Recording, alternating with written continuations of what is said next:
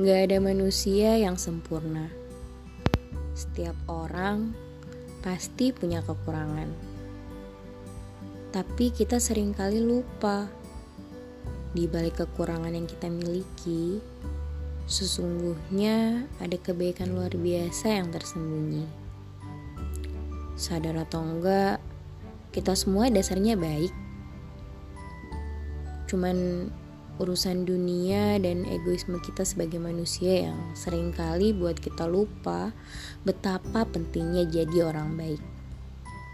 Dunia menjadi lebih indah jika banyak manusia baik.